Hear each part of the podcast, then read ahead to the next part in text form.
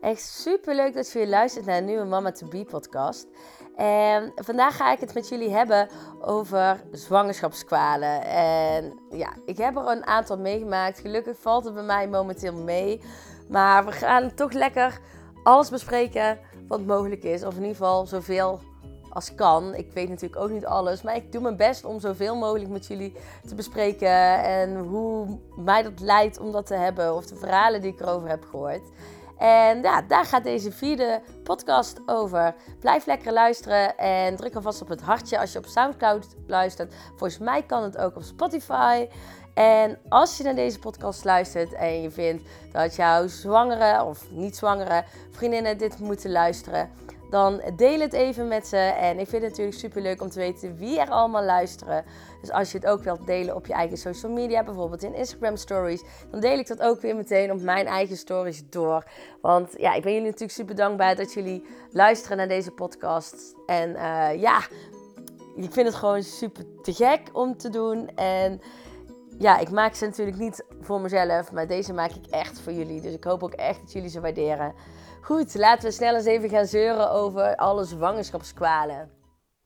Nou, als is het natuurlijk zo, op het moment dat je zwanger wilt worden, dan denk je al van alles te voelen. Nou, die zwangerschapskwalen die je dan denkt te hebben, dat noem je dan nog geen, geen kwalen, maar dat noem je dan symptomen. Omdat je ja, niet zeker weet of je zwanger bent. Pas na je positieve test spreek je van kwalen en dus daarvoor spreek je van symptomen. Met deze tweede zwangerschap van mij wist ik eigenlijk al dat ik zwanger was. Alleen ik durfde niet zo goed te hopen, omdat mijn lichaam mij al zo vaak voor de gek had gehouden. Waar ik aan merkte dat ik zwanger zou kunnen zijn, was aan het feit dat ik um, steeds minder in de ochtend kon eten. En eigenlijk ook wel lichtelijk vlagen van misselijkheid had in de ochtend. En dat ik ook weer sneller moest eten. Dus niet uh, dat je om 8 uur s ochtends eet bij wijze van en dan pas weer om 12 uur. Maar echt om de 1 of 2 uur. En dat herkende ik nog van mijn zwangerschap van mijn eerste. Ik wilde die ook niet hebben, want het was gewoon een symptoom. Maar het bracht me in mijn hoofd wel lichtelijk hoop. Nou, bij mij uh, is die misselijkheid daarna ook gekomen, na mijn positieve test. En uh, kon ik niet meer alles eten in de ochtend. En ja, dat is best wel heel erg vervelend. Aan de ene kant vind ik het mega fijn, of vond ik het in ieder geval mega fijn om kwaaltjes te hebben. Omdat wanneer je net zwanger bent, je nog niks ziet. Het is allemaal zo onwerkelijk. Je bent nog niet bij de, uh, bij de gynaecoloog of bij de verloskundige geweest. Dus behalve die positieve test heb je geen bewijs dat je zwanger bent. En om die reden vond ik het hebben van zwangerschapskwalen eigenlijk best wel heel erg fijn. Even mijn excuses over mijn stem. Ik ben mega verkouden. Um, dat is bij mij sowieso wel altijd heel snel. In een zwangerschap ben je ook gewoon gevoeliger voor verkoudheden en dat soort dingen. Want je weerstand is gewoon een stuk minder. En mijn weerstand is al uh, echt op een laag niveau, zeg maar. Dus ik ben sowieso heel snel verkouden. Dus hou daar ook rekening mee in ieder geval. Ja, misselijkheid dus. Um, nou, we weten allemaal dat we misselijk zijn. En de een heeft het in mindere mate of helemaal niet zelfs. Oh, lucky you. En anderen die hebben echt mega misselijkheid. Daar heb je ook een medische term voor. Dat je dan zo misselijk bent en alles moet uitspugen, niks binnen kunt houden. En eigenlijk dat je daardoor in het ziekenhuis belandt. Um, ik weet even niet hoe dat precies heet. Maar um, die extreme misselijkheid is er wel. En uh, ja, hou er rekening mee dat dat dus ook kan zijn. En trek op tijd aan de bel. Belangrijk is in ieder geval om te zorgen dat je genoeg drinkt. En dat is best lastig ook als je extreem misselijk bent. Drinken is sowieso super belangrijk als je zwanger bent. En um, maakt niet uit of je nou misselijk bent of welke andere kwaal. Eigenlijk geldt voor heel veel kwalen: drink genoeg water. Dus zorg voor voldoende vocht in je lijf. Voor mij, en deze is trouwens wel even iets minder smakelijk. Um, maar goed, hoort er toch eenmaal wel bij. Ik merkte ook uh, dat ik zwanger was door um, de afscheiding die ik had. En ik merkte vooral in het eerste trimester dat dat gewoon in één keer wat meer was dan normaal. En wat langer aanhield. Ik moet zeggen, in het tweede trimester uh, is dat beide keren bij mij weer minder geworden. En dat heeft volgens mij alles te maken met het uh, slijm wat zich voor de ingang van de maanmoeder gepropt om ehm, ja, je baby te beschermen. Zoiets. Maar ja, ik ben geen dokter, ben geen verloskundige, geen gynaecoloog. Maar dat is wat ik ooit heb begrepen. Uh, dus vandaag dat je meer slijm kunt ervaren. En dan zijn inlegkruisjes toch wel heel erg fijn. Dus misschien niet, geen slecht idee om die te gaan halen. Wie mijn blogs en vlogs een beetje volgt, die weet dat ik uh, in deze zwangerschap al vanaf een week of, zou het zijn geweest, een week of acht denk ik, of negen, al last kreeg van bandenpijn. Nou, bandenpijn is eigenlijk, um, die zitten in je liezen en dat, uh, die, dat heeft alles te maken met het uitrekken van je baarmoeder. Nou, en bij een tweede kan dat dus sneller zijn, omdat je baarmoeder al een keer uitgerekt is geweest en et cetera. En dat is gewoon vervelend. En ik merk bij mij dat vooral de stress daar nu ook als eerste opslaat. Dus als ik te veel doe, dan krijg ik meteen bandenpijn. Ik kan er overigens ook ochtends mee opstaan. En voor mij is het dan heel erg helpend om tijdens het slapen een voedingskussen tussen mijn benen te leggen. Maar het kan ook gewoon een normaal kussen zijn. Maar net wat je fijn vindt. Nou, naast bandenpijn kun je natuurlijk ook last krijgen van bekkenpijn. Uh, zorg dus tijdens je zwangerschap dat je een goede houding probeert aan te nemen. En uh, loop er vooral niet te lang mee. Ben niet eigenwijs. Ga geen ding, dingen tillen, verschuiven, zware dingen doen. En uh, trek inderdaad gewoon op tijd aan de bel. Zodat je bij een fysio oefeningen kunt krijgen. En ja, weet je, het is je lijf. En als je daar je hele zwangerschap mee door blijft lopen en je doet er niets aan, dan heb je daarna je zwangerschap ook gewoon last van. Ja, en voor mij is een kwaal, maar daar heb ik iets minder last van, uh, zijn mijn borsten die uh, enorm groeien. En uh, ik merkte vooral in deze tweede zwangerschap dat, deze, dat die borsten meteen begonnen met opzetten. Ik ben, even denken, nu ongeveer, bij, nou, ik ben nu bijna een jaar gestopt met borstvoeding ja, ik denk zo'n 11 maanden of zo nu. Dus het kan zijn dat natuurlijk um, die melkkliertjes daar nog wel redelijk zitten. En dat die door de hormonen van de zwangerschap meteen mijn borsten oppompen, zeg maar.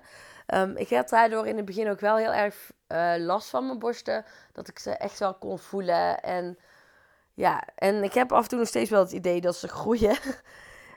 ja, dat kan vervelend zijn. Het is een beetje afhankelijk, denk ik, hoe groot je borsten normaal gesproken zijn. Als je al best wat grote borsten hebt, kan ik me voorstellen dat het niet zo fijn is. Ik moet zeggen, uh, voor mij is dit wel echt meer dan voldoende. Ik vind ze echt veel te groot nu.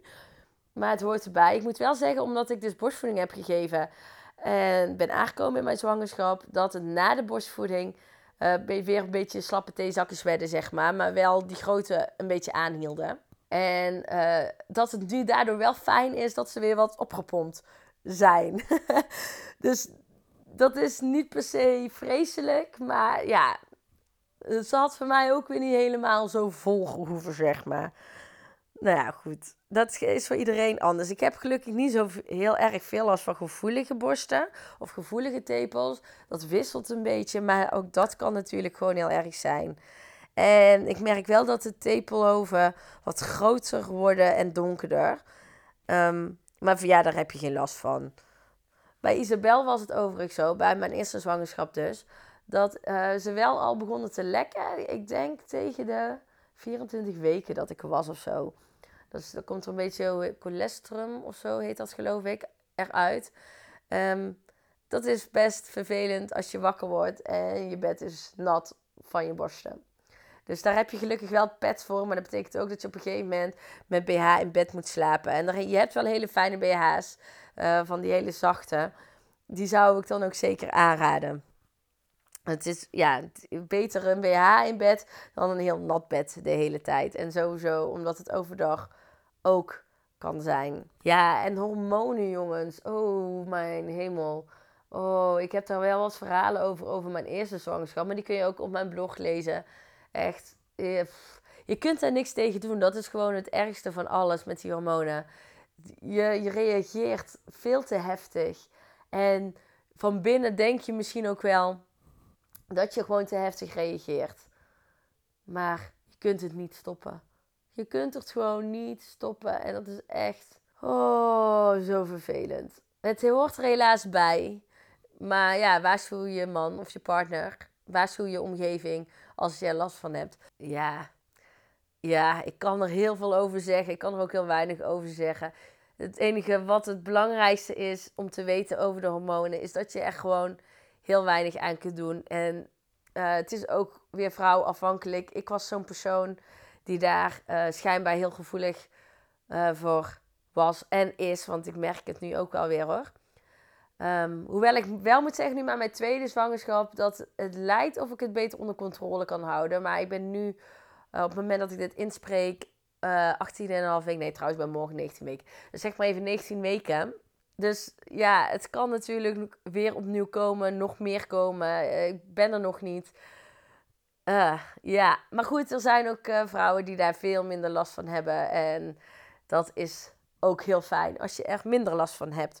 Maar ja, hou er rekening mee. En die hormonen die zorgen gewoon dat je emoties alle kanten op gaat. Je kunt sneller gepikeerd zijn, geïrriteerd zijn, boos zijn, maar ook weer sneller blij zijn. En dan vooral ook de afwisseling tussen nou ben ik blij en nou ben ik in één verdrietig en nou ben ik weer blij. Hou het onder controle. Um, ik wil jullie wel de tip geven als je vaak depressief voelt, om dan dat wel te bespreken met je verloskundige en of een dokter. Want dan, je kunt dan, um, ja, net zoals wat je um, na een zwangerschap kunt hebben, een uh, postnatale depressie, dat kan ook al tijdens je zwangerschap voorkomen. Dus hou dat vooral ook in de gaten. Waar je ook tijdens je zwangerschap extra zorg voor moet dragen, is je gebit. En het heeft dus alles te maken met wat ik dus straks ook al noemde, dat je weerstand omlaag gaat. En ik merk het aan mij ook dat als ik nu verlof, dat het weer wat meer bloed en het is sneller geïrriteerd en wat gevoeliger. Dus verzorg je gebit goed, want het is gewoon zonde ja, als, als daar iets mee gebeurt tijdens je zwangerschap of door je zwangerschap. En dat heeft alles te maken overigens met hormonen. Dus ja, daar kun je niet zoveel aan doen, behalve je gebit gewoon heel goed verzorgen. Ja, en dan is nog zo'n dingetje, dat is meer vaak, vaak richting het einde van de zwangerschap, dat je vocht begint vast te houden. Ik merkte op een gegeven moment bij mijn eerste zwangerschap ook dat mijn ringen niet meer om konden om mijn vingers. En dat uh, mijn armen dikker werden en mijn vingers dus dikker werden en mijn voeten dikker werden en alles werd groter. En dat had niet per se te maken met dat ik ongezond at of iets, maar wel ook, ja, ook misschien wel deels, maar ook met vocht vasthouden. Dus um, ja, wat, wat kun je daar tegen doen? Niet zo heel veel volgens mij. Ik denk dat het ook een stukje in de genen zit. Maar ja, wat ik dus straks ook al noemde, het allerbelangrijkste is om voldoende water te drinken. En um, ik ben een super slechte drinker, dus ik heb Roy opgedragen, dat is mijn man, om um, zeker met het warme weer wat er nu aankomt, om ieder uur eigenlijk tegen mij te zeggen: Hey, heb je al gedronken? En als ik dat het hele uur nog niet heb gedaan, moet ik eigenlijk gewoon een half tot een heel glas opdrinken. En ja, je moet al vaak naar het toilet als je zwanger bent. Maar um, doe maar gewoon drinken. Dat is gewoon veel beter voor je en voor je baby. Laat iemand jou helpen herinneren aan dat je moet drinken of zet een wekker. Maar drinken is gewoon super belangrijk. Ja, en dan kun je natuurlijk ook gewoon extra honger en trek krijgen in je zwangerschap. Um, eet niet voor twee, dat wordt ook echt afgeraden. Je hoeft ook echt niet voor tweeën te eten. Um, dus eet wat meer verdeeld over de dag, kleine beetjes. Dat zijn eigenlijk mijn tips. Ik merk bij deze zwangerschap ook dat ik ook niet veel kan eten. Dus op het moment dat ik eet, dat ik bij lange na niet zoveel op kan als wat ik normaal gesproken op kan. Uh, wel met als gevolg dat ik inderdaad wel iets sneller honger heb. Dus inderdaad, probeer die porties te verdelen. En doordat je dit weet, uh, zorg ervoor dat je dan dus niet naar die chipzak s'avonds grijpt. Maar pak nog een beetje avondeten of fruit of iets anders gezonds. Oh, en waar ik ook zo vermoeid van raak tijdens mijn zwangerschap is traplopen. Oh hemel, ik loop een trap op en ik ben buiten adem. En dat geldt voor meer dingen. Je bent gewoon zo snel buiten adem. Zo snel vermoeid. En die vermoeidheid is natuurlijk een stukje hormonen. Maar ook dus als je dingen blijft doen. En dan wordt wel echt aangeraden om iedere dag gewoon zeker 20 minuutjes te gaan wandelen. Of in ieder geval iets actiefs te doen. Ook als je moe bent omdat het gewoon beter voor jezelf is. En beter voor je uit, uithoudingsvermogen is. En je daardoor die bloedsomloop ook weer beter doet. Nou, allemaal redenen om zeker, ook als je vermoeid bent, gewoon actief te doen. En ook al weet je dat die trap uh, je vermoeid maakt, neem hem toch gewoon. Totdat je bekkenklachten krijgt. Overigens, dat wil ik wel even gezegd hebben. Um, dan moet je uitkijken. Dan moet je op een andere manier ook trappen lopen en op een andere manier uit de auto stappen, et cetera. Dus uh, probeer dat wel in de gaten te houden. Maar probeer wel ook gewoon actief nog te zijn. Overleg met je verloskundige hoe je dat dan kan als je op een andere manier ergens last van hebt. En uh, iets waar ik zelf geen last van heb, maar waar mijn uh, man meer last van heeft, is dat ik nu meer begin te snurken. Hoe verder je bent in je zwangerschap, hoe meer je kunt gaan snurken. En ik weet even niet zo goed meer waar dat mee te maken heeft. Maar waarschuw je partner alvast. Je kunt er gewoon niks aan doen. Um, maar waarschijnlijk de kans is groot dat je gaat snurken. En niet te zuinig ook niet. En dan misschien de meest angstige kwaal die je tijdens je zwangerschap kunt hebben. Een bloeding. Um, ik kan er helaas over meepraten. Over mijn eerste zwangerschap. Tot nu toe um, ben ik mega blij dat iedere dag dat ik geen bloed zie, dat dat zo is, zeg maar. Um, maar tijdens de eerste zwangerschap heb ik heel vaak in het ziekenhuis gelegen vanwege bloedverlies. Bloedverlies kan voorkomen in, de eerste, in het eerste trimester. Dat is natuurlijk heel angstig, omdat daar de grootste kans is op een miskraam. En je dan dus natuurlijk mega hard schrikt van is het een miskraam? Maar het kan juist ook komen door de doorbloeding. Bel altijd de verloskundige. Laat het controleren wat het is. Maar bel ze, want meer dan dat kun je ook niet doen. Je moet dan ook omschrijven welke kleur bloed je had, hoeveel bloedverlies je had, of er stolsels bij zaten kwam je er op de wc achter tijdens het plassen bijvoorbeeld, uh, spoel niet door. Want de verloskundige komt als het goed is bij je thuis ehm, en laat het de verloskundige zien. Doe een verband in je onderbroek ook daarna, um, of had je die al. Gooi het niet weg, bewaar het. De verloskundige wil het zien, want aan de hand daarvan kan uh, de verloskundige al controleren aan de hand van de kleur en de stolsels wat het zou kunnen zijn. Dus bewaar het. Um, ik heb zelf vanaf zo'n 22 weken, geloof ik, bij mijn eerste zwangerschap last gehad van bloedverlies. Dus dat was echt in het tweede trimester. En voor mij was zo, ik stond s ochtends op, ik liep naar het toilet, ik uh, deed mijn ding. En bij het afvegen kwam ik er eigenlijk pas achter. Ik schrok me rot, ik keek en ik zag ook dat mijn onderbroek al... Nee, mijn onderbroek was trouwens toen nog niet vies. Dus het was bij mij pas bij het plassen dat ik er eigenlijk achter kwam. Maar wel de hele wc-pot en het, uh, qua afvegen daarna leek het ook echt alsof ik ongesteld geworden was. Zoveel was dat. En ik uh, schrok me kapot. Ik ben naar boven gerend om mijn man wakker te maken. Helemaal overstuur. Ik wist niet meer wat ik moest doen. En mijn man zei, bel de verloskundige. Ik ben gaan liggen op bed. Maar ik had dus wel doorgespoeld en alles. En dat had ik dus achteraf weten niet moeten doen. Uiteindelijk heb ik dit soort bloedingen... Uh, een stuk of vijf of zes keer denk ik gehad vanaf 22 weken. Ehm, iedere keer kwam de verloskundige thuis, komt dan met een doppler controleren of, uh, of het hartje nog klopt. En uh, komt kijken dus naar het bloed, met je bespreken. En eigenlijk word je altijd doorgestuurd naar het ziekenhuis als je bloedverlies hebt. Uh, vooral natuurlijk wanneer je langer zwanger bent. Um, nou, bij mij bleek het uiteindelijk een wondje te zijn aan de buitenkant van mijn baarmoedermond. Dus niet aan de binnenkant waar het kindje zit. En wat ik net al zei, doordat je een betere doorbloeding hebt, ja, kon dat gewoon makkelijker open gaan. Het is wat gevoeliger daar, omdat het ook uitgerekt was. Vooral als ik me druk maakte, kon het ook gaan bloeden. Maar ook gewoon, ja, wat ik net al zei, ik kwam dus uit bed en dan kon het dus ook al gewoon zo zijn. Het is heel erg naar. Um, en je schrikt iedere keer. voor mij was het wel een geruststelling dat het iedere keer ook wel dat wondje bleek te zijn. Maar het is uiteindelijk ook de reden geweest, omdat je toch iedere keer in stress schiet, dat ik uh, met bijna 39 weken ben ingeleid. Uh, en de bevalling op die manier dus op gang is gebracht. Ja, omdat stress ook gewoon niet goed is voor het kindje, zei de gynaecoloog. En ja, je probeert het dan zo lang mogelijk vol te houden. En uh, ja, zo is dat bij mij gaan. Ik ben iedere keer een hele dag opgenomen geweest. Dus op het moment dat ik kwam, en dan moest ik echt daar blijven. En als ik dan geen bloedverlies meer had, 24 uur lang, dan mocht ik weer naar huis. Dus ik, ik werd echt iedere keer 24 uur lang opgenomen in het ziekenhuis. Ja, en ik denk dat er zo nog een hele hoop meer um, kwalen zijn die je kunt hebben. Ga niet te veel googelen, maar bespreek die kwalen uh, met je verloskundige tijdens je afspraak of mail je verloskundige praktijk. Uh, als je er last van hebt of wat je er tegen kunt doen. Ja, en dan denk ik dat ik ondertussen uh, al heel veel zwangerschapskwalen besproken heb. Vast en zeker nog niet alles. Maar over deze kon ik denk ik allemaal meepraten.